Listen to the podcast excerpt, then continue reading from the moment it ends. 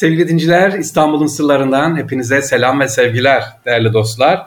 Ee, bugün padişah sofrasından bahsedeyim. Hazır Ramazan'dayız. Padişah sofrası nedir? Fatih Sultan Mehmet Han kanunnamesine diyor ki e, Fatih Sultan tek başına veya çok yakın olanlarla yemek yiyor kanunnamesinde ve evvelki padişahlar gibi vezirleriyle daha yemek yemeyi reddediyor. Bunu da kanunnameye ekliyor. Kanunnameye göre diyor ki divanda vezirlerin nasıl ve hangi şartlarda yemek yiyebileceği belirtiliyor. Bunların önünden kalkan taamın artık yemek efendim çavuşlar, reisül kitap neferleri gibi hizmetler tarafından yenilmesini öngörmüş. Böylece bir taraftan bu hizmetlere vezir yemeği yedirilerek onları payelendirirken bir taraftan da israfın önlenmeye çalışıldığı ne yapılmış e, anlaşılıyor sevgili Yani diyor ki yemekler diyor dökülmesin oradaki hizmetler onlar yesin. Vezir yemeği, padişah yemeği diye söylüyor burada. Şimdi sevgiliciler kaynaklarda şöyle baktım da padişah yemeği nedir diye. Padişah giden yemek tablolarla taşınıyor ama en çok neyi severmiş padişahlar? Yani Fatih Sultan Mehmet Han'ın çok sevdiği e, biraz garip gelecek size soğan kavurması. Evet hani soğanın cücüğü var diyoruz ya fıska deriz biz. Fıska küçük soğanlar onların yahnisi soğan yahnisi padişahlar çok özellikle Fatih Sultan Mehmet Han çok severmiş sevgili dinleyicilerimiz.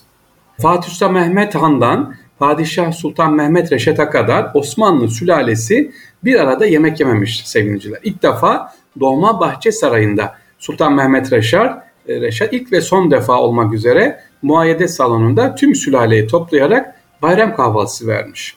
Bunun sebebi ise akrabaların bir araya gelerek kendi aralarında özellikle dedikodu gibi siyasete karışmalarını önlemekmiş. Yani e, topluca Osmanlı sülalesi bir araya gelip kahvaltı yaptı mı? Hayır yapmamış. Bir defa yapmış Sultan Reşat. Sonra da yaptığına pişman olmuş. Niye? İşte filanı görmüş sen ne kadar harcırı alıyorsun, sen ne kadar para alıyorsun diye bunlar konuşulmaya başlayınca Sultan Reşat demek de demiş ki ya ecdadımın e, varmış bir hikmeti diye sevgiliciler bir daha da yapmamış. Padişah sofralarına sevgili dinleyiciler nasıl gidilir? E, tablolarla taşın dediğim gibi yemekler kapalı sahanlarda oluyor. Sultan II. Abdülhamit Han döneminde zehirlenme olaylarına karşı tedbirler daha da artırılıyor. Yemekler tablolara konulduktan sonra bir örtüyle kapatılıyor. Örtünün uçları birbirine bağlanıyor ve mühürleniyor sevgiliciler. Bunun gibi ekmek sepeti, su ve şerbet sürahilerin ağızları da tek tek mühürleniyor. Sürekli kağıthane su içtiğinden bu menba yakına da kimse ne yapılmazmış? Yaklaştırılmazmış Sultan Abdülhamit Han döneminde. Padişahın sofra hizmetlerine çaşnigir usta denilen harem kıdemlerden bir kadın bakardı. Peşkirci başı ise kıdemli kilercilerden seçilir. Peşkirleri muhafaza eden kişi peşkir gulamı. Sultan II. Abdülhamid'e sofrada yalnız tek bir kişi kilerci başı hizmet ediyor sevgiliciler. Yemek sonrası ve öncesi padişahın ellerini yıkamak için ibrik gulamı ve ibrikdar görevlendirilmiş. Bütün bu görevler Endorun ağaları tarafından gerçekleştiriliyor. Her birinin de görevleri ayrı ayrı. Yalnız dikkat edelim, tekrar ediyorum padişahlar e, yemekleri ne yapıyorlar? Yalnız yiyorlar. Çok nadir vezir veya padişah misafir varsa onlarla ya da çok nadir dediğim gibi kızlarıyla sultan yemek yiyorlar. Oğullarıyla yani şehzadelerle yemek yemeleri çok çok az. Padişaha sarayda en yakın olanlara Hasodalılar diyor bunlar e, sevgiliciler.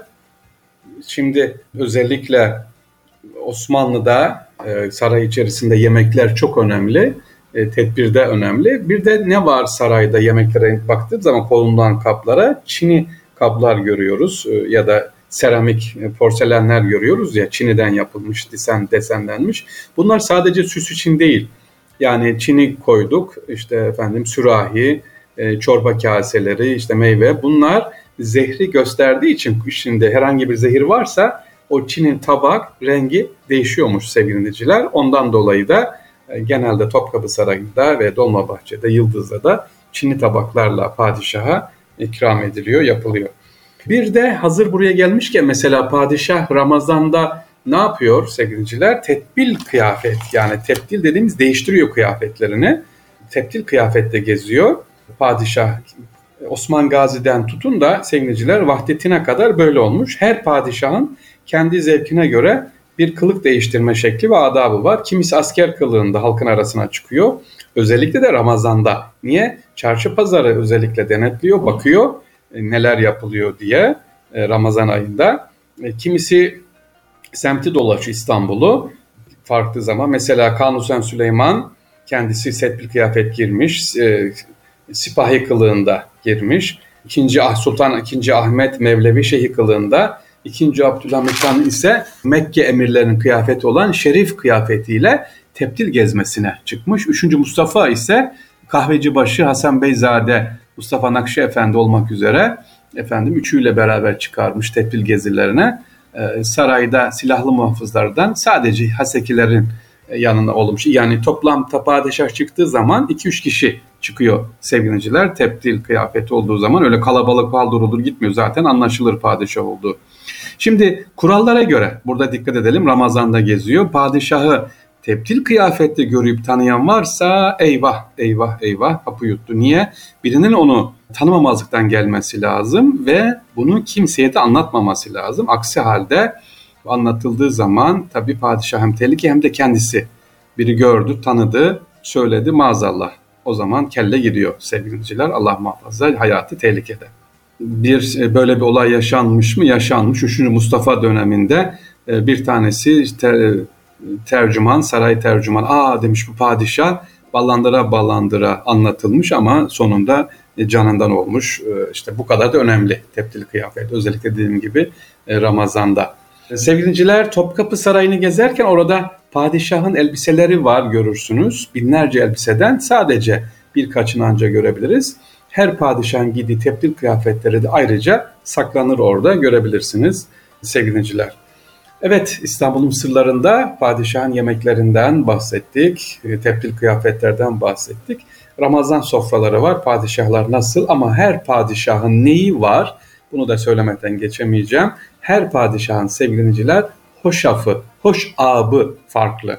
Hoş af değil, hoş ab yani hoş su sevgiliciler. E, meyveden yapılan işte böyle erik hoşafı, kayısı, üzüm, şeftali de mevsim meyvelerine göre her padişahın ayrı bir hatta ona isim de verilmiş. İkinci Mahmut için ayrı. Fatih Sultan Mehmet Han'ın sevdiği hoşaflar ayrı.